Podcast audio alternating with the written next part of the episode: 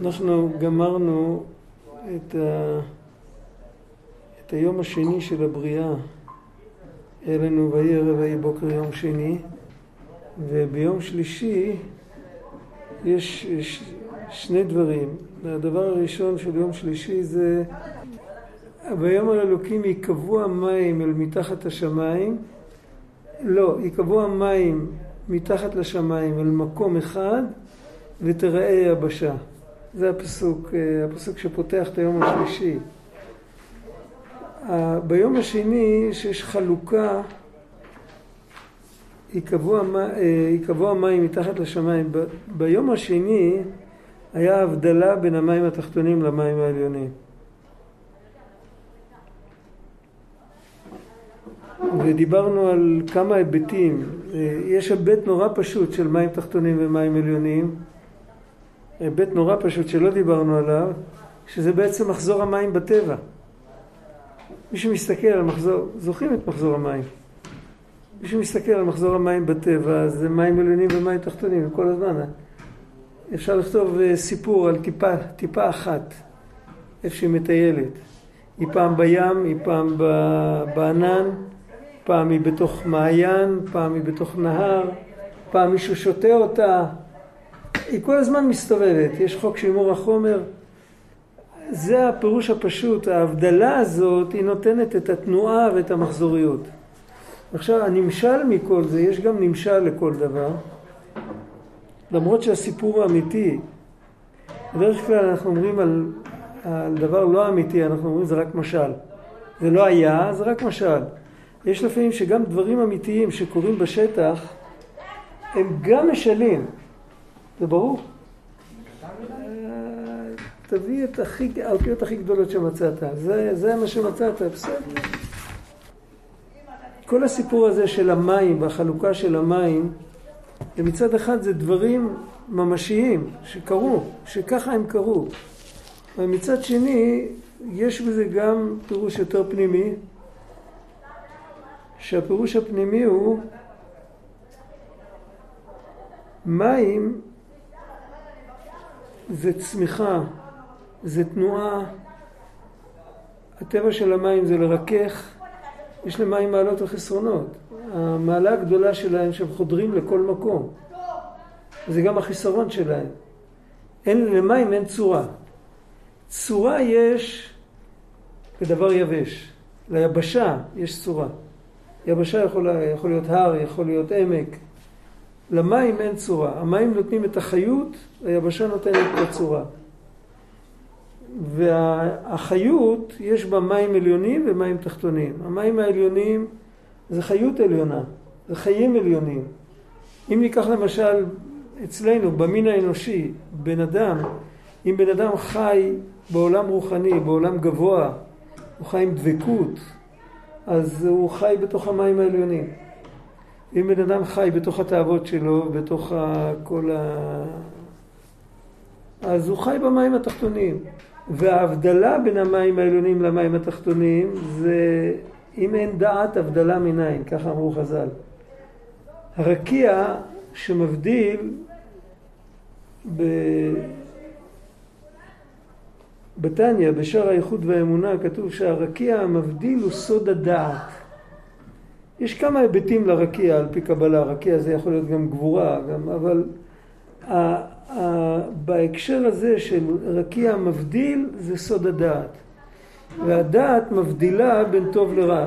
אדם חסר דעת, אצלו מה שהכל טוב, או שהכל רע, תלוי איך הוא, באיזה אופן הוא חסר דעת. אם הוא בר דעת, אז יש לו יכולת להבדיל בין טוב לרע, והמקום של ההבדלה בין טוב לרע. זה המקום של הבחירה. תודה רבה. לא, לא, יש לי. יש לי, קיבלתי. קיבלתי אני, ברוך השם, אני רואה טוב, אני לא צריך. אז זה המקום של הבחירה. מה המקום של הבחירה? האפשרות לבחור, אם הכל היה אחד, אם המים העליונים והמים התחתונים היו אחד, זאת אומרת, תארו לעצמכם בן אדם שבו זמנית הוא רואה את כל התאוות ואת כל הדברים האלה, אבל מאיר לו העומק והפנימיות של הכל, הוא לא ילך אחרי הגשמיות. הוא, הוא, במק, הוא יחיה במקום יותר גבוה, זה כמו ש... אה, כמו מתנה עם עטיפה, בן אדם מבוגר מקבל מתנה, הוא פותח את העטיפה, הוא זורק את הנייר, הוא מסתכל מה יש בפנים. ילד קטן יכול ליהנות מהנייר עטיפה יותר ממה ש... לא מעניין אותו מה שיש בפנים, כי הנייר עטיפה תפס לו את העיניים. ואז הוא יכול לשמור את זה עד שהוא יתבגר. עד שהוא יתבגר במושגים שלנו, זה עד שהוא ימות. הבן אדם שומר על הדברים בחיצוניות עד שכבר אה, זה לא רלוונטי יותר, ואז הוא עולה למעלה, ואז הוא רואה מה היה בתוך העטיפה, מה שהוא פספס. אז בצורה כזאת, אין לו בחירה, כאילו, הוא, הוא, הוא רואה רק את החיצוניות. מצד שני, בן אדם שרואה רק את הפנימיות, גם אין לו בחירה. זה, אם הוא מתייחס לזה כאל עטיפה, אז הוא זורק את זה. יכול להיות בחירה לבן אדם שרואה את שני הדברים. הוא רואה, זה מושך אותו לכאן, מושך אותו לכאן. והוא צריך להחליט עם הדעת לאן הוא רוצה ללכת. והבן אדם, הדעת שלנו היא לא תמיד עומדת על אותו משקל, היא לא תמיד אה, נמצאת באותו מקום. לפעמים הדעת היא צלולה, כמו הראייה, כמו השמיעה, כל החושים שלנו. יום אחד אתה קם בבוקר אתה רואה יותר טוב, יום אחד אתה קם אתה רואה הכל מטושטש, אה, ככה זה. גם עם הדעת זה אותו דבר, לפעמים אה, בן אדם לא ברור לו, ואז הוא נגרר, הוא עייף, הוא נגרר, הוא, הוא, לא, הוא לא עומד על עצמו, הוא, לא, הוא כמו מים שנשפכים. ויכול להיות אחרת גם. במה זה תלוי הבחירה הזאת? במה תלויה הבחירה הזאת בדעת? אז אה, יש איזה מפתח בשביל, אה, איך אומרים, זה לא כך קל, אבל יש איזה מפתח חיצוני לדעת. מה המפתח החיצוני של הדעת? אז ככה, בזוהר הקדוש כתוב על משלי, זה כתוב בזוהר בבראשית, בפרשת וירא. אה, איך כתוב שם? איה שרה אשתך, הנה היא פתח האוהל. הזוהר אומר, שרה זה משל על המלכות, והפתח של הקדושה זה המלכות. הוא אומר ככה, כתוב נודע בשערים בעלה. איפה זה כתוב נודע בשערים בעלה? משלי. במשלי, אשת חי. ובנודע בשערים בעלה הזוהר כותב שני פירושים. הוא כותב פירוש אחד שהקדוש ברוך הוא נודע אצל כל אחד בלב שלו לפי ההשערה שלו, לפי איך שהוא משער. כל אחד לפי איך שהוא משיג את הגדולה של הקדוש ברוך הוא, ככה הוא מקבל.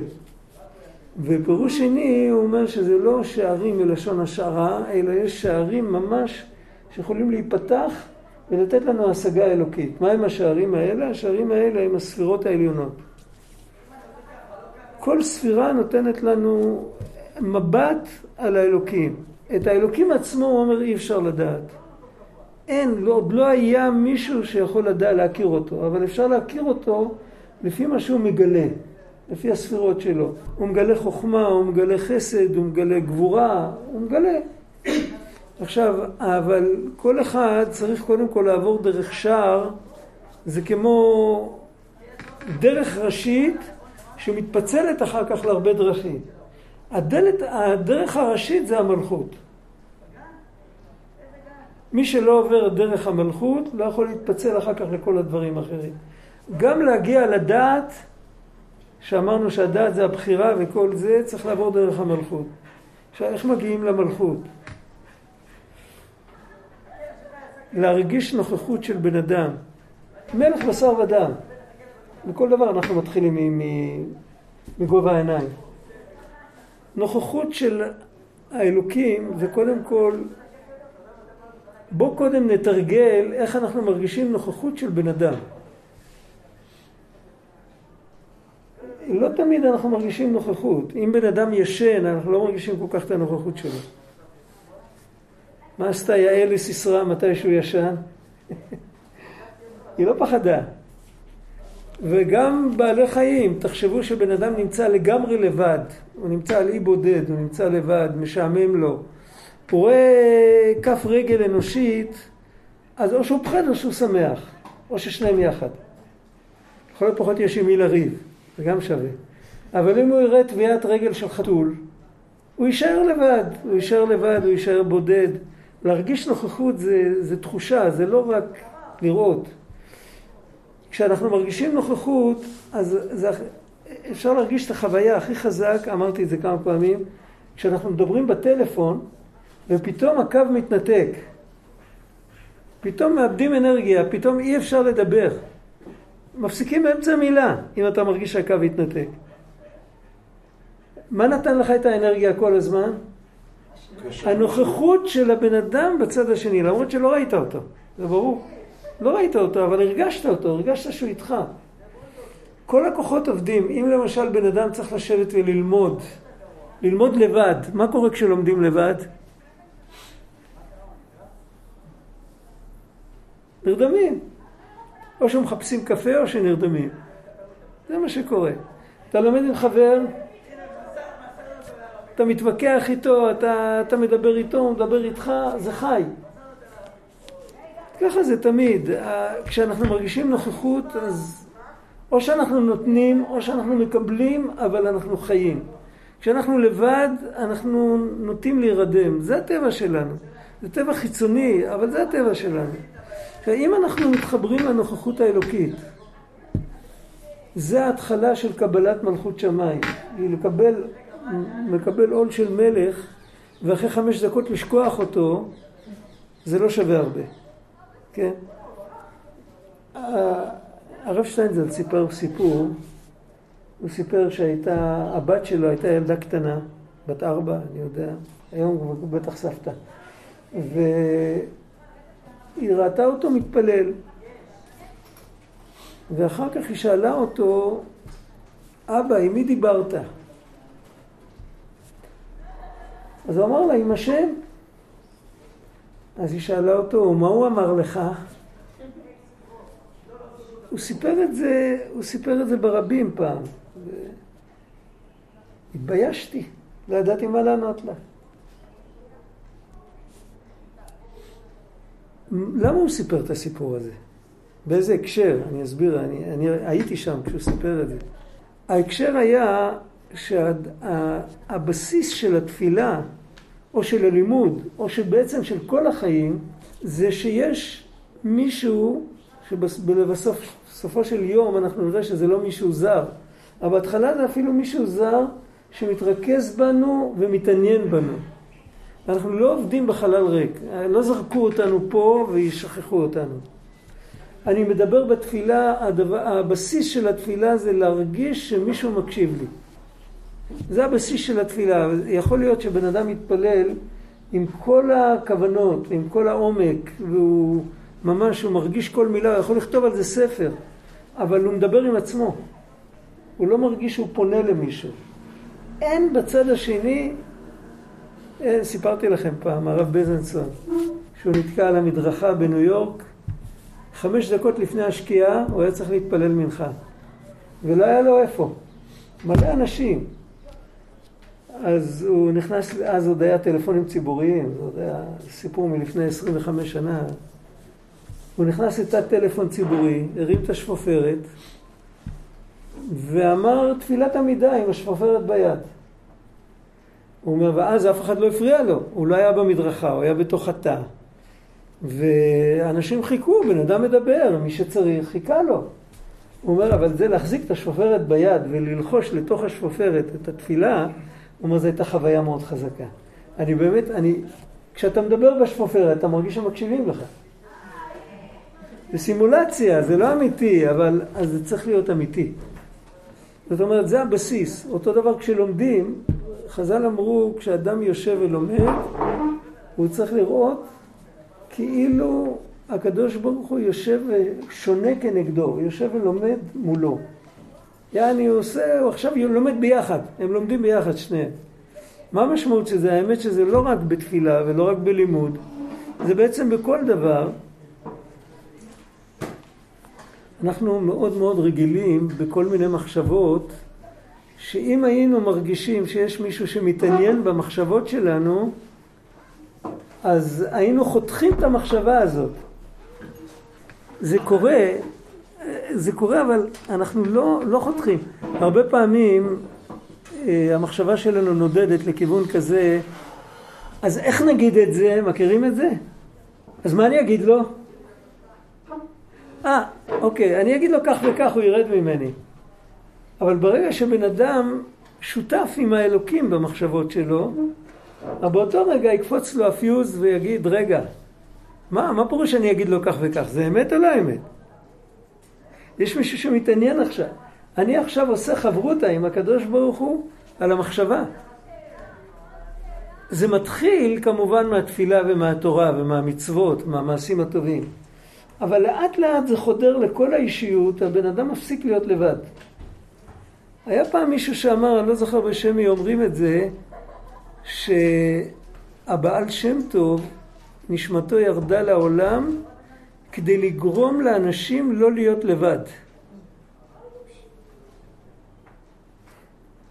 בהיבט הזה, להיות עם, להיות אה, כל הזמן, זה בסופו של יום, אחרי הרבה הרבה, זה, זה לוקח, זה עבודה. זה עבודה ונופלים ממנה, כי מצד אחד מתעייפים מזה, מצד אחד מתרגלים לזה, אז זה כבר לא מרגש. זה משני הצדדים, יש מלחמות, אם תחנה עליי מחנה לא יירא ליבי, ואם עומדים בזה, אז אפילו החלומות משתנים. זה ברור, זה, זה יכול לשנות את כל האישיות בלי הרבה עבודה. זה לא עבודה פנימית של להיות יותר טוב או להיות יותר קדוש. זה, זה משהו חיצוני לגמרי, יש מישהו שרואה אותי, אז אני צריך להתיישר. אבל זה, בגלל שזה חיצוני וזה נמוך, אז כל אחד יכול לעשות את זה. את הדברים הפנימיים לא כל אחד יכול לעשות, אבל זה דבר שכל אחד, אה, כן, אני יושב לבד, אני שם את הרגליים על הספה, ברגע שמישהו נכנס, אני מוריד אותם, באופן טבעי, אני לא מרגיש אפילו. זה לא שאני צבוע, אבל יש לי דרך ארץ. אני בן אדם מנומס, נכון? אני לא יודע. אבל על כל פנים, אנחנו מתנהגים מתוך התחושה הפשוטה של הנימוס הפשוט, אפילו בלי שבן אדם יודע שהקדוש ברוך הוא בורא אותו כל רגע וכל הרעיונות החסידיים הגבוהים האלה, מתוך סתם. אז הוא, הוא פתאום מתחיל, ברגע שיש לו את הקשר הזה, עכשיו הקשר הזה מעורר אצל האדם את האחריות. עוד פעם, זו אחריות חיצונית. יש לנו שני סטים של אחריות. יש אחריות של מה, מה שבאמת קורה, ויש אחריות, הנה, אתה יכול לקחת את זה. אם זה מעניין אותך. מה? מה זה? פה זה יותר גדול, בשבילך אה, לא, אני לא צריך. את המרחק הזה אני רואה ככה. אה, אה, יש, יש לנו שני סטים של אחריות. יש אחריות של זה לא נכון ויש אחריות שלא כדאי לי. זה ברור, זה שני סטים שונים, לא צריך להסביר את זה. עכשיו, הסט האמיתי של האחריות, הדעת האמיתית, דעת קשור עם אחריות, מאוד מאוד. הדעת האמיתית היא, מתור... היא, היא, היא מתגלה כשהבן אדם באמת עבר איזה שינוי. הוא כבר אמיתי, הוא כבר לא... אבל הדעת הפשוטה זה כמו שאומרים, אה, אה, לא כדאי לי. למרות שאני יכול, אני יכול לשקר ואז אף אחד לא יתפוס אותי, אבל זה עצמו לא כדאי לי. למה? כי, כי אני עם השקר שלי ביחד, אני תמיד, אני תמיד, אני, אני אף פעם לא, אף פעם לא זרוק. אני תמיד במרכז ההתעניינות. רק מה, יש כל כך הרבה אנשים, איך אני יכול להיות מרכז ההתעניינות? אני מאמין באמונה שלמה שהאלוקים הוא כל כך גדול, שכל כך הרבה אנשים יכולים כל אחד להיות במרכז ההתעניינות שלו, וזה לא מפריע. אתה מדבר על השגחה. על כל פנים, זה הנקודה, זה השגחה, אבל זה, זה לא רק, זה גם, אה, אני עומד כמו שאני, כמו שהאדם הראשון, וארא כי אורום אנוכי ויחווה. אבל רק הבעיה היא שלמדנו כבר לדעת שאין איפה להתחבות. זאת אומרת, אני עומד ואדע כעירום אני, זאת אומרת, אני לא יכול לכסות את עצמי עם שום דבר. איך שאני, אתה רואה אותי איך שאני. עם כל, ה, עם כל, ה, עם כל האיכס אתה רואה אותי. ו, והאדם הראשון ניסה להתחבות. עכשיו אנחנו יודעים שזה לא הלך לו. זה ברור. כן, אתה הזכרת את אה, הרב עדין שטיינזלץ. אני כן. קראתי אה, ראיון שעשו איתו בעיתון שנקרא פרבולה. כן. שמעת, קראת פעם? זה עיתון לא, שמדבר. על... והנושא של העיתון היה הקריאה. כן, ושאלו אותו, אז הוא אמר, הוא אמר דבר מאוד מעניין, הוא אמר לאדם שזה היה באנגלית, כן. אמריקאי, הוא אמר לו, יש קריאה, כן, הקריאה היא כל הזמן, רק לא שומעים אותה. אבל השאלה אם יש מי שיש, האם יש משדר, האם יש מקלט, כן, האם זה- יש מישהו שקולט, זה, זאת אומרת, זה עוד ההשגחה קיימת. זה עוד שלב, אנחנו עוד לפני. הוא דיבר על התערותא דלעילה. אני מדבר על התערותא דלתתא. אני אגיד לכם מאיפה הוא לקח את הרעיון. כתוב שאלוקים דיבר, במת... את כל הדברים האלה דיבר השם אל כל קהלכם על מתן תורה. קול גדול ולא יסף. ולא יסף כתוב לא הוסיף, יש דעה אחת לא הוסיף, יש דעה אחת לא פסק. אה, לא פסק אף פעם. אז הוא לקח את הלא פסק, רק בכל אופן לא הוסיף. אנחנו הפסקנו לשמוע. בני ישראל אמרו, אם יוספים אנחנו לשמוע את כל אלוקים מדבר מתוך האש, ומתנו. בערך זה הלשון של הפסוק. ואז אומרים ככה, הלא יסף הכוונה שאנחנו הפסקנו לשמוע. ולא פסק שהוא לא פוסק לקרוא לנו. אני מדבר אבל על שלב לפני זה, לפני שהוא קורא לנו, לפני שאנחנו מרגישים שהוא קורא לנו.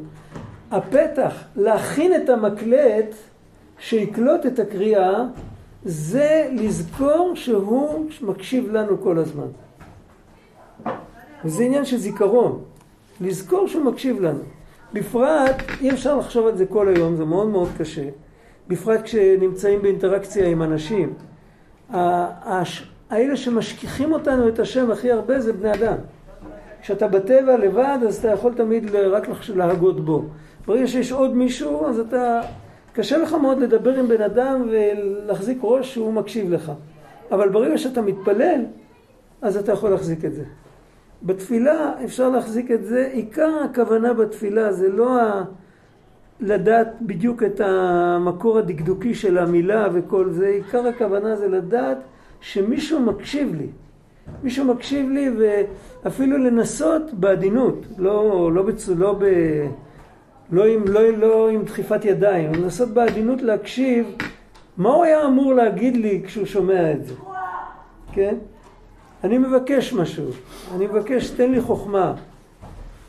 מה הוא עונה לי? אני יכול לשמוע כל מיני דברים, אני יכול לשמוע שהוא אומר לי, נתתי לך, מה עשית עם זה? כן? אני יכול לשמוע שהוא אומר לי, אה, הנה, קח, קח כמה שאתה רוצה, רק, רק תביא כלי. הכלי לקבל את החוכמה זה דרך התורה, דרך פנימיות התורה. אתה רוצה לקבל את החוכמה האלוקית עם השכל שלך בלי כלי, יכול להיות שזה, לא יודע, לפעמים תופסים מרק חם ב, ב, בידיים, אז מקבלים קביעה. אפשר, אפשר להבין כל מיני דברים, אבל ברגע שאני חושב על זה שמישהו מקשיב לי והוא מגיב לי, לפעמים אני מנחש מה הוא מגיב לי, לפעמים אני לא מנחש. אבל יכול להיות שאחר כך אני אלך ברחוב, פתאום אני אקלוט שהוא מגיב לי על, על מה שהתפללתי. אבל הבסיס הוא שאני אשים לב ש, שמישהו מקשיב לי. עכשיו זה, זה, זה מעורר את הדעת, זה מעורר דעת חיצוני, זה לא מעורר דעת פנימי של אה, צדיקים ושל בעלי דבקות, אבל זה מעורר דעת שאנחנו יכולים להתעורר עם דעת כזאת, ואז אנחנו יכולים לארגן לעצמנו את הבחירה. כשיש לנו את הדעת הזאת, אנחנו יכולים להתחיל לבחור. ואז הבחירה שלנו היא מאוד פשוטה, אנחנו בוחרים איתו ביחד. זה ברור? אנחנו לא בוחרים אחרי הגב שלו, אנחנו בוחרים עם הנוכחות שלו. הבחירה היא הרבה יותר פשוטה. צריך לשמוע בקול האבא, פשוט. אז זה הנקודה, וזה, כל זה מרומז בנושא הזה של הרקיע, שהוא עומד בין המים העליונים למים התחתונים, והמרחק מהעליונים לרקיע ומהתחתונים לרקיע הוא אותו מרחק, ראינו את זה ברש"י שבוע שעבר, והאדם נמצא על נקודה של בחירה שיכול ללכת לכל כיוון. עכשיו התיקון של הכל, של גם, המים, גם של המים העליונים, גם של המים התחתונים, גם של הדבקות הרוחנית וכל עבודת השם וכל העניינים האלה, וגם של כל, כל העניין הגשמי, התיקון שלהם זה לחבר אותם יחד. בשביל זה הזכרתי קודם את מחזור המים בטבע, שזה הפירוש הכי פשוט של מים עליונים ומים תחתונים. הפירוש האקולוגי, יש למעשה בראשית פירוש אקולוגי. הפירוש האקולוגי של מים עליונים ומים תחתונים זה מחזור המים. יש מים בעננים, המלבי מביא פירוש כזה. זה לא פירוש של uh, מהאוניברסיטה. אני לא זוכר כרגע את הלשון שלו, אבל הפשט הפשוט זה מחזור המים בטבע. זה למעלה, זה למטה. המטרה, ולכאורה כל פעם שאיזה ענן יוצא מהאוקיינוס, יש הפרדה בין מים למים. אבל מה זה נותן? ההפרדה הזאת נותנת את החיבור בין המים ליבשה. זאת אומרת שהמטרה של ההפרדה היא תמיד חיבור. הזכרנו את זה שבוע שעבר, זוכרים? מי היה פה? לא, לא הפרדה, אלא הבדלה. כן, אם זה הפרדה, אז היה הפרדה גמורה. המטרה של הבדלה זה לחבר. בשביל זה דעת זה כוח מחבר, ואדם ידע את חווה אשתו, דעת זה כוח מחבר, ואם אין דעת, הבדלה מניין. אם דעת הוא כוח מחבר, למה הוא יוצר את ההבדלה? כי הוא לא יוצר הפרדה, הוא יוצר הבדלה. הבדלה זה לסנטז כל דבר לחוד כדי לחבר את שני הדברים ביחד בצורה נכונה. אם אתה לא יודע כמה יש לך מזה וכמה יש לך מזה, אם יתערבבו לך התבלינים בתוך צלחת, אתה לא יכול להשתמש בהם. אם אתה יודע להפריד אותם ואחר כך אתה יודע מכל מה לקחת, בסוף הם מתאחדים ביחד. וככה זה בכל דבר בחיים. אם יודעים מכל דבר כמה לקחת, בן ששקוע רק ברוחניות, הוא לא, בשביל זה לא צריך לשלוח נשמה לעולם הזה, הוא יכול להישאר למעלה. יש מספיק מהלכים למעלה שעושים עבודה כזאת. בן אדם ששקוע רק בגשמיות, לא היה צריך לקבל נשמה של בן אדם, היה מספיק שיהיה לו נשמה של מדוזה או של לא יודע מה. מה הוא צריך את זה? זה בזבוז. הבן אדם צריך לדעת שהוא שייך באופן עקרוני, נמל הבית שלו הוא למעלה. ופה יש לו עבודה לעשות, והוא נמצא פה בשביל לתקן. וכל דבר שהוא משתמש בו הוא מתקן, וזה כמו המים שמשקים את האדמה, זה להכניס חיות בתוך הצורה. האדמה נותנת את הצורה, המים נותנים את החיים. לחבר חיים עם צורה, זה הסיפור של, ה... זה הסיפור של ההפריה ההדדית. אז זה כתוב בפסוק הבא, מה? יש לי שאלה. אה, לא יודע אם אה, תיכנס לזה, אבל אה, זה משהו שהוא מעניין אותי. פעם הכרתי, איזו אישה מבוגרת, כן. לא הייתה דתייה בכלל, אבל היא כל כן. הזמן, בעצם היה לה דיבור עצמי, כל הזמן, בלי שהיא אפילו ידעה שהיא מדברת להשם. כן, כן. היא פשוט דיברה לעצמה. כן. גם אנחנו, יש מקום שבו יש ספק, בין אם אתה מדבר לעצמך ובין אם אתה מתפלל. השאלה היא, האם הדבר הזה, זאת אומרת, הוא דורש בירור או שזה טוב כמו ש... תקשיב, קודם כל זה... תן לזה לקרוא כי זה טוב. הזמן הזה יוצ... גורם לבן אדם שהמחשבות שלו מתבהרות וזה עושה טוב. בגדול זה עושה טוב. מה שאפשר לעשות עם זה בעבודת השם זה עוד פעם, זה, יש בזה שני שלבים. אני אמרתי בהתחלה, אני לא יודע אם שמתם לב.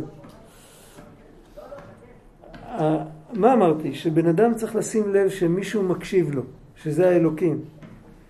יש שיר שאיזה משורר כתב, מישהו תמיד הולך איתי, זוכרים את השיר? המבוגרים צריכים לזכור את זה, שיר ישן. אתה זוכר? משהו... מישהו, אני לא זוכר את המנגינה, המנגינה פרחה לי מהראש. מכירים? מישהו תמיד הולך איתי. אז uh, לזכור את זה, אבל אתה שומע איתמר, זה משהו חיצוני עדיין.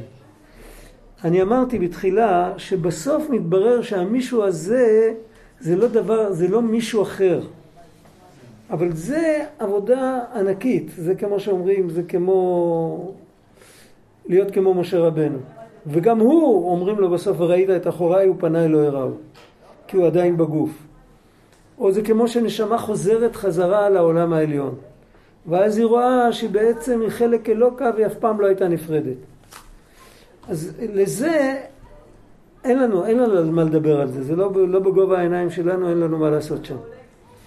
אנחנו עושים את הדרך שלנו, בדרך שלנו יש שתי שלבים, יש שני שלבים, השלב הזה שאתה מדבר, ולהכניס לשלב הזה את ההקשבה האלוקית. הוא מקשיב לי עכשיו.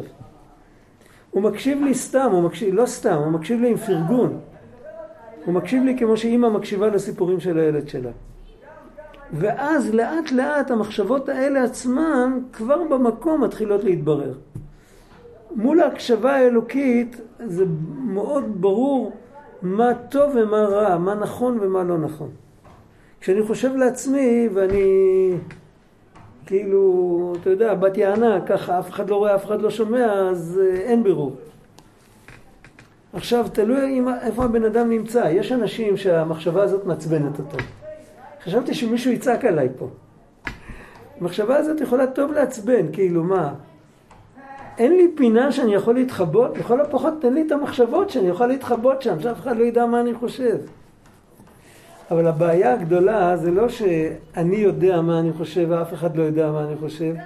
אני בעצמי מתחיל לא לדעת מה אני חושב. המחשבה רצה כל כך מהר, אני לא יודע, קוראים לזה תת-הכרה, אפשר לקרוא לזה מודעות רקע, יש כל מיני שיטות איך לתאר את זה. אבל המחשבה עושה את העבודה שלה כל כך מהר, והיא מניפולטיבית. חבל על הזמן. ואני בכלל לא יודע מה, מה קורה איתי. אני רק רואה תוצאות, והתוצאות הן כאלה וכאלה, לפעמים הן טובות, לפעמים הן לא טובות. אם אני חושב ואני מפנה את הזרקור האלוקי לתוך המחשבות שלי, אז אני מתחיל להיות מודע לעצמי קודם כל. קודם כל אני יודע מה אני חושב. וכשאני עוד חושב שהאלוקים מקשיב למה שאני חושב עכשיו, וטוב לו איתי, הוא אוהב אותי, והוא, אם אני שקרן, רמאי, נואף, לא יודע מה, אז כואב לו עליי, לא שהוא שונא אותי, זה ברור. זה... המושג הזה, תועבת השם, זה מושג, המצב שלי הוא מצב נורא ואיום. אוי לי שראית, איך כתוב שם? אוי לי שראיתיך בכך. היא כמו שאמא רואה את הבן שלה על כיסא גלגלים. שאלו, את אוהבת את זה? תלוי מה הכוונה. אם את אוהבת את זה הילד, ודאי שכן. אם את אוהבת את זה שהוא יושב על כיסא גלגלים, אוי ואבוי. זה ממש תועבה. כן, אז צריך להבין את המושגים האלה. ועל זה אמר מלאכי בתריעשר, אהבתי אתכם אמר השם, ומיד אחרי זה אומר, אח עשו ליעקב, עשו ויעקב נראים בדיוק אותו דבר ואני אוהב אתכם. אפילו אם אתה נראה כמו עשו, עשו זה. על חרבך תחיה. אז זאת אומרת ככה, במילים אחרות, הבנת? לתוך, לתוך הפינה הזאת אה, להכניס את האלוקים. זו עבודה קשה, כי אנחנו אוהבים פינה שאף אחד לא ייכנס. מי שמכניס את האלוקים לפינה שאף אחד לא נכנס, זה מסירות נפש. ואז הבן אדם עצמו גם יכול להיכנס לפינות שאף אחד לא נכנס. זה ברור? כאילו כל פעם הוא מתקדם ומכניסים, פותחים לפניו שערים. אם הוא פותח את השערים שלו, פותחים לפניו את השערים למעלה. כל זה היה, זה הסוד של הרקיע. אחרי שיש לנו את ההבדלה של הרקיע, מתחיל הסיפור של המים. המים נקבים אל מקום אחד, זאת אומרת משחררים את היבשה, שהיבשה תוכל, שיהיה מקום לבן אדם, שיהיה מקום לצמחים. אם יש, הכל מלא מים, זה כמו לפני הבריאה. שנייה, שרואים רק חיות ורק רוחניות. המים והיבשה כאן, זה מסמל גם רוחניות וגשמיות. אם הכל מלא רק רוחניות, אז זה כמו קודם הבריאה. זה עדיין לא נברא שום דבר.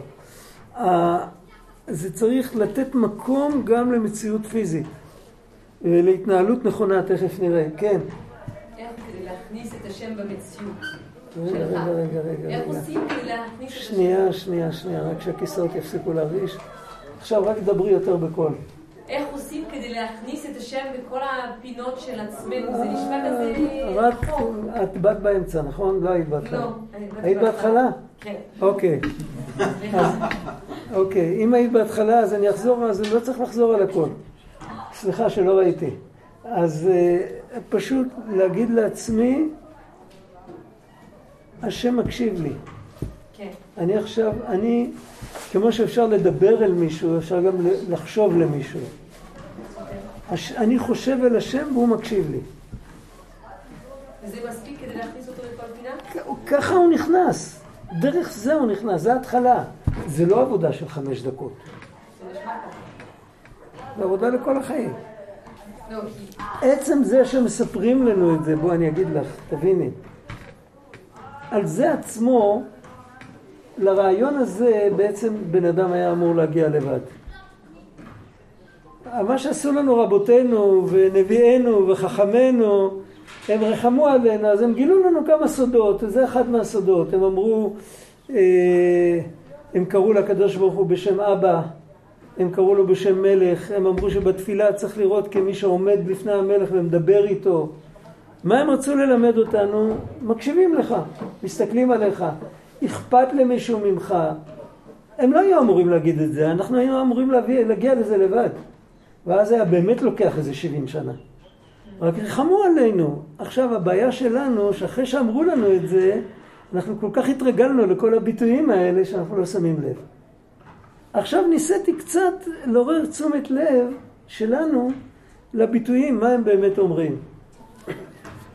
הרב, הבעיה היא גם שבאבא ואימא, איך אומרים, הטבעיים שלנו, לפעמים גם שם אתה לא מוצא קשר. נכון, נכון, נכון, נכון, נכון, נכון, נכון. אז פתאום אתה... נכון, נכון, נכון, נכון. דווקא אולי... נכון, והיום גם מלך אין לנו. כן. את המלכים גם זרקו מהכיסאות. נכון, אתה צודק. מצד אחד גילו לנו, מצד שני לקחו לנו, אז השאירו אותנו על קצת כמו שהיה לפני שגילו לנו. השאירו לנו עם כמיהה, כמיהה ל... זה לא רק כמיהה, גם... בכל אופן, גם בלי הדוגמאות האלה של אבא ושל מלך וכל זה, עדיין אנחנו יכולים לומר, יש אלוקים והוא מקשיב לי. איך אני אגיד את זה? תנסה. תנסה. ת, תיקח את זה כמנטרה, בלי להרגיש. לאט לאט תראה מה שזה עושה לך. אני ברוך השם מרגיש את זה. אז, אז מה אתה שואל איך אתה עושה את זה? אתה שואל בשביל כולם, בשביל אז השכל שלי. זה הדרך. הלב מרגיש. אה, בסדר, אה, עזוב, אה, זה, זה החלקים הנוספים מגיעים בהמשך לבד. אם רודפים אחריהם, הם יברחו. זה לא. אם אתה תופס קצה ואתה עובד איתו, לאט לאט זה מתפשט על הכל. זה כמו חוק הנימיות, איך מים נכנסים? ל... אתה מכניס חוט צמר לתוך כוס, המים מטפסים, הפך כוח המשיכה. זה בדיוק אותו דבר, אתה נוגע בטיפת חיות, זה תופס את כל. את כל האישיות שלך. לא צריך הרבה ל... אתה מבין אותי. אני מאוד מזדהה עם ה... במזמור כ"ז, הוא אומר, דוד המלך אומר, כי אבי ואמי עזבוני. והשם יאספני, הנה. הנה יש לך את התשובה. שמה, שמה דווקא אתה יכול כן. למצוא יותר קשב לפני. נכון, נכון, נכון, נכון, נכון, נכון, אמת. ו- וההתחלה של אותו מזמור זה שהוא האור שלי ושהוא היש, הישועה שלי. אז זאת אומרת שהוא מקשיב לי, שהוא מתעניין בי, שאכפת לו ממני. זה כתוב שם, אנחנו אומרים את זה ולא שמים לב. זה בעיה. אולי אם זה היה כתוב בשפה יותר אה, עכשווית, אז כן היינו שמים לב. אבל לא יודע, ככה זה. עכשיו אם נראה הלאה, נראה את החלוקה.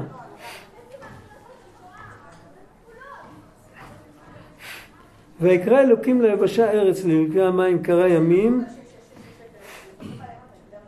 וירא אלוקים כי טוב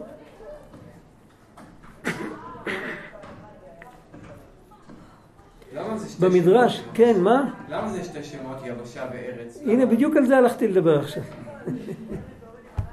זה לא רק זה, זה שתי שמות, היא יבשה, והאלוקים הוסיף לה שם. ויקרא אלוקים ליבשה ארץ. זה כמו שאומרים למישהו, אה, זהו, קראו לך עד עכשיו יאקי או, או יוסי, מעכשיו אתה, אתה מ"פ. נתנו לו עוד שם. אני לא, לי קוראים מ"פ, קוראים לי יוסי. מה אתה קורא לי מ"פ? אבל עכשיו נהיית מ"פ, יש עליך אחריות. אתה המ"פ, אתה לא יוסי. איזה מ"פ יוסי, אבל אתה המ"פ. זה שאומרים ליבשה, היבשה את תהיי ארץ. זה כאילו שמים עליה תפקיד. חז"ל אמרו במדרש, הם אמרו למה נקרא שמה ארץ? לפי שרצתה לעשות רצון קונה. עכשיו בעברית יש ארץ, רצון וריצה, מרוצה, לרוץ, זה אותם מילים. וכשרצים, אז כל הגוף רץ, לא רק הרגליים. כל הגוף עוקר ממקום זה למקום, כשרצים, וכשרוצים, כל הנפש נמשכת. המושג של ארץ זה כאילו להיות הטריטוריה של היצורים שחיים עליה. לצאת מהמקום שלה שהיא דואגת רק לעצמה. יבשה, זה, אם לא קוראים לזה ארץ, אז אה, תחשבו על, בשפה שלנו מה ההבדל בין יבשה לארץ. יבשה זה יכול להיות גם uh, על כוכב אחר. אבל ארץ זה כבר טריטוריה אנושית. ועל זה אנחנו אומרים להשם הארץ ומלואה תבל ויושבי בה. על, על יבשה לא צריך להגיד שהיא של השם, ברור לגמרי, אבל טריטוריה אנושית צריך להזכיר שהיא שייכת להשם. כי זה, האנשים חושבים שזה באמת שלהם, הם שוכחים. על כל פנים, אלוקים קורא ליבשה ארץ, ארץ אחת, עם כל הגוונים של הצורות שלה. אבל למקווה המים הוא קרא ימים, הרבה הרבה ימים, הרבה בלשון רבים, כי המים מתפזרים לכל מיני כיוונים, והם הולכים עם הטופוגרפיה לכל מיני, ולכל אחד, לכל פינה, פה יש ים, פה יש נהר, פה, וזה גם מה שמחלק את הטריטוריות של האנשים. הגבולות, כן? אולי זה, יש איזה מסר אה? ש... אולי יש איזה מסר שארץ אחד זה רצון אחד, שהשם רוצה שלכולנו יש את הרצון אחד לפגוש את האחד? כן, כן, כן, כן, כן, תכף נדבר על זה עוד מעט. השיעור הזה בנוי על שתי שכבות לפחות. שכבה אחת, להסביר מה קורה ברמה הפיזית, אחר כך, מה קורה ברמה הנפשית. אז ודאי שזה כך. אה, הנה, היא חסכה לי לדבר. אה, אה, קודם כל שיהיה רצון אחד, ולמרות שהחיות שיש לנו, העונג, התענוגים שלנו, הם רבים. לכל אחד יש את ה... אחד מתענג משקט, אחד מתענג מ... בדיוק הפוך משקט. כל אחד יש לו חיות במשהו אחר. אחד אוהב להיות לבד, אחד אוהב להיות עם אנשים, אחד אוהב, אה, לא יודע, זה, אנחנו לגמרי שונים אחד מהשני, ו, אבל הרצון צריך להיות רצון להשם ולעשות את הכל מולו, ולחוות את הכל מולו. הכל חזרה על אותה נקודה של הרקיע שאמרנו, של הדעת, של להרגיש שאנחנו לא, לא פועלים בחלל ריק, לא זרקו אותנו והלכו, אלא אנחנו, אנחנו תחת השגחה. לא רק השגחה מבחינת... אה, השגחה, כמו שאומרים, להשגיח על ילד קטן, שהוא לשמור עליו. ואחרי זה, פה כבר יש ים שלם, פה... שני הפסוקים הבאים כתוב ככה, ויאמר אלוקים, תדשי הארץ, דשא עשב מזריע זרע, זה כל הגנטיקה. כל, ה, כל הבוטניקה, הכל נמצא בתוך הפסוק הזה. עץ פרי עושה פרי למינו. ב, בעצים כתוב כבר שזה צריך להיות, לכל אחד יש בתוך הגנים שלו, בתוך ה... איך קוראים לזה בעולם הצומח, אני לא יודע, אבל זה גם גנים, גם. זה גנים. זה גנטיקה. יש שם את כל ה... אפשרויות שהמין הזה, אם לא יתערבו ולא יהנדסו אותו ולא יחליאו אותו, יחליאו בכף. אם לא יתערבו, המין הזה יכול לשרוד כל זמן שהעולם ישרוד. רק שבני אדם לא ידחפו ידיים. ובן אדם, אם הוא למשל, אם הוא רוצה פרי יותר גדול או יותר יפה, או אחד פעם חלם לרבע את האבטיחים, שיהיה יותר קל בהעמסה על המשאית. אותו אחד היה לו גם חלום לרבע את הערים, אבל זה כבר היה לגמרי שיגעון. אבל אם בן אדם לא דוחף ידיים, ברגע שבן אדם דוחף ידיים, יכול להיות שדור שניים הוא מקבל פרי יותר אה, רושם, עם הרבה פחות בריאות כמובן, אבל לאורך זמן מטע אמיתי יכול להחזיק עשרות שנים, לפעמים אפילו מאות שנים, תלוי בסוג של העץ. וכל המטעים המהונדסים המודרניים, כל כמה שנים, אני רואה בעיניים מה שקיבוצים בסביבה שלנו עושים. כל כמה שנים מחליפים אותם. והעצים שלנו עומדים, והם כל הזמן מחליפים. ובפסוק הבא זה כתוב לא רק על העצים, אלא כתוב התוצר דשא עשב מזריע זרע למינהו. בפסוק הקודם כתוב על למינהו רק על, ה, על העצים, על הפירות. ועץ עושה פרי אשר זרעו בו למינהו, וירא אלוקים כי טוב. מה הפן הרוחני של הדברים האלה? קודם כל, אם נשאר רגע במציאות הפיזית, אם נותנים, אם ניקח צמח, אם נותנים לצמח את כל האפשרויות הנכונות להתפתח, זאת אומרת, יש לו מספיק שמש,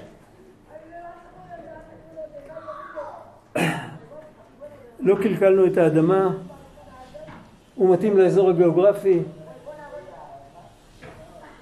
אז הוא יכול להתפתח פי כמה מאשר אם חסרים לו דברים כאלה.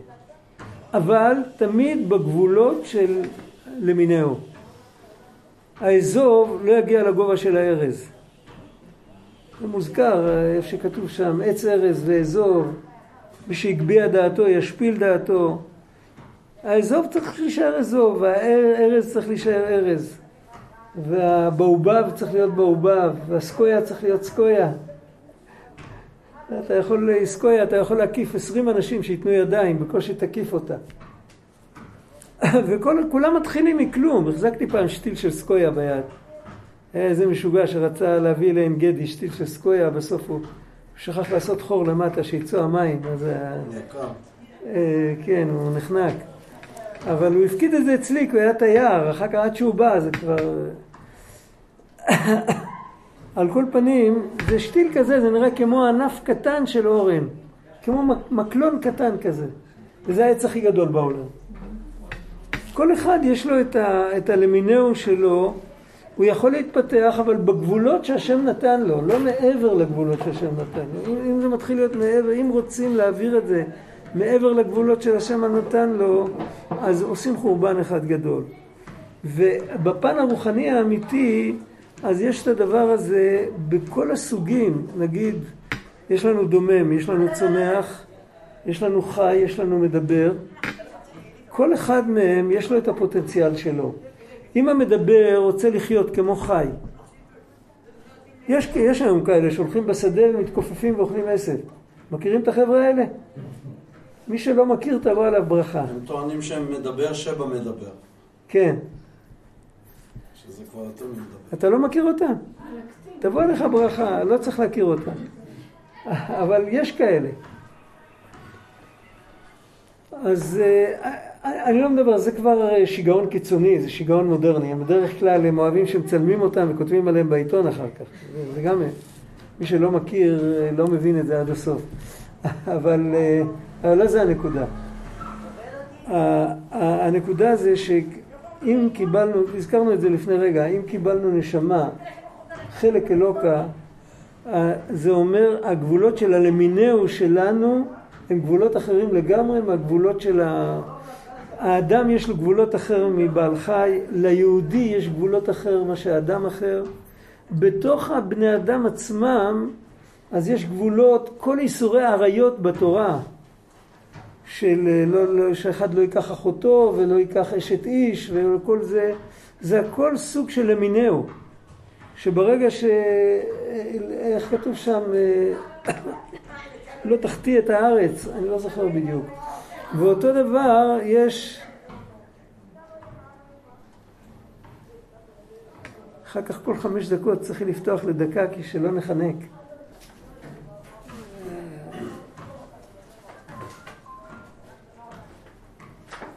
לא נורא הרעש, מי שסובל מהרעש שיתקרב לפה.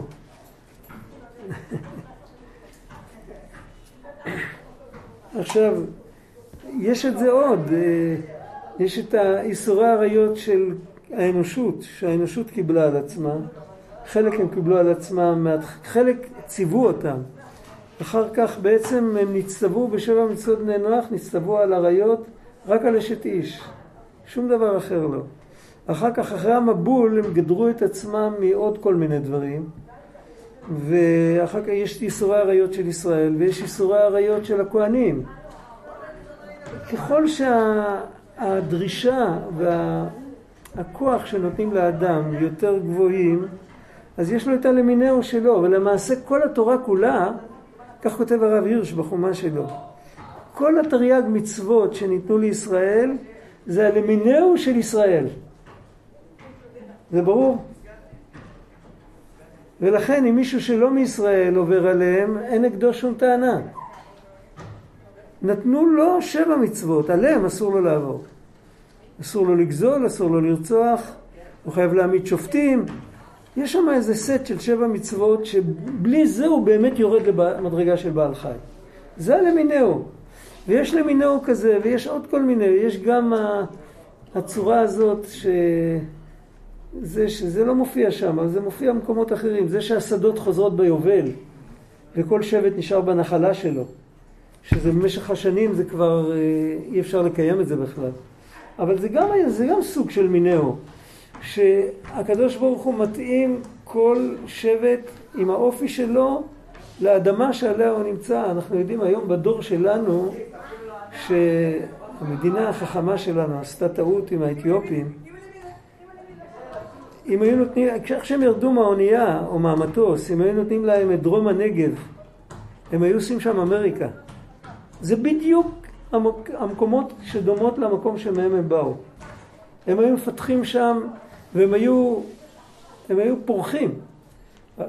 לא רצו כאילו, זו מחשבה לא אמיתית, זה מחשבה, איך אנחנו נראה בעיני העולם שלוקחים את האנשים הכהים ושמים במקום כזה קשה. זה לא יפה. אז הלכו ושמו אותם בערים הגדולות, ואחרי דור אחד כולם התרסקו. התרסקו טוטאלית. וזה עוד דוגמה של למינאו, שיש לכל, לכל קבוצה, לכל, יש את, ה, את הכישרונות ואת הזה, וצריך לתת לכל אחד את מה שהוא צריך. ואיך שזה היה בחלוקת הארץ, אז באמת היו שבטים שישבו בצפון הפורה, והיו שבטים שישבו בדרום החם והיבש, והכל היה לפי גורל, אף אחד לא, לא בחרו. כן, הם לא בחרו. בגורל ככה יצא, והגורל היה לגמרי עם רוח הקודש, זה היה סוג של מינהו. ויש עוד, והאמת היא, עכשיו נגיע, בשביל זה אמרתי שיש כאן ים שלם. כל בן אדם, כל מה שעובר עליו, וכל ההיסטוריה שלו, זה הלמינהו שלו. הוא צריך לעבור דרך הדברים האלה. יש אחד שצריך להתחתן בגיל 18 ויש אחד שצריך לחכות עד גיל 40. אנחנו לא יודעים, אומרים תעשה השתדלות. אבל אה, רטרואקטיבית, בוודאי. אחרי כל שהסיפור נגמר, אז על כל עץ יושב יועץ. כולם חכמים אחרי שהכל נגמר. אבל, אבל באמת, יש לכל אחד את, ה, את המסלול שלו, ולא צריך להתבלבל. ואף על פי כן, יש ווייז לכולם. מה זה? זה מה שדיברנו בתחילה. כולה, אנחנו כולנו צריכים לזכור שאלוקים מקשיב לנו. אם אנחנו חושבים את המחשבות שלנו ביחד איתו, אנחנו מקבלים כיוון.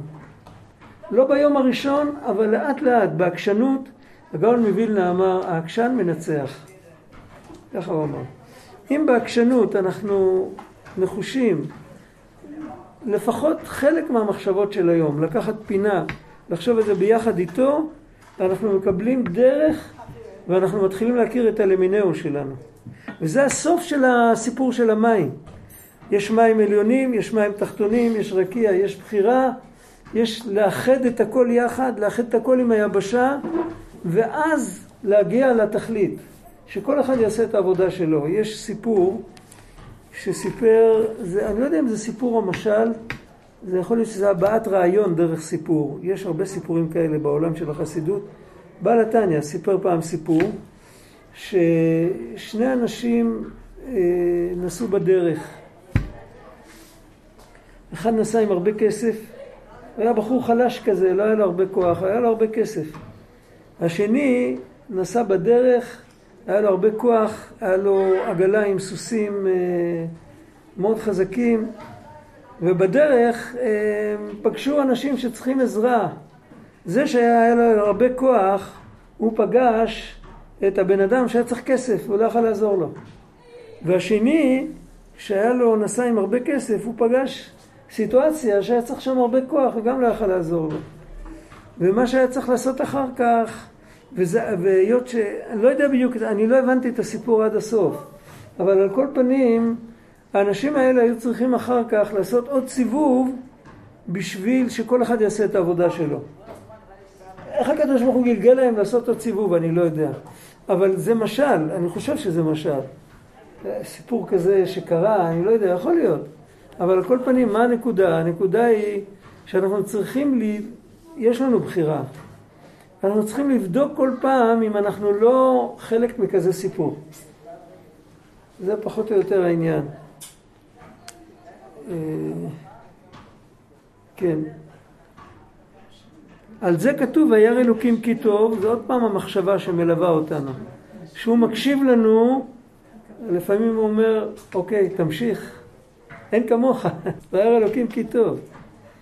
ואחרי זה כתוב ויהי ערב ויהי בוקר יום שלישי, זה גמרנו עם היום השלישי. אה, מאיפה התנ"כים האלה? מהבית כנסת?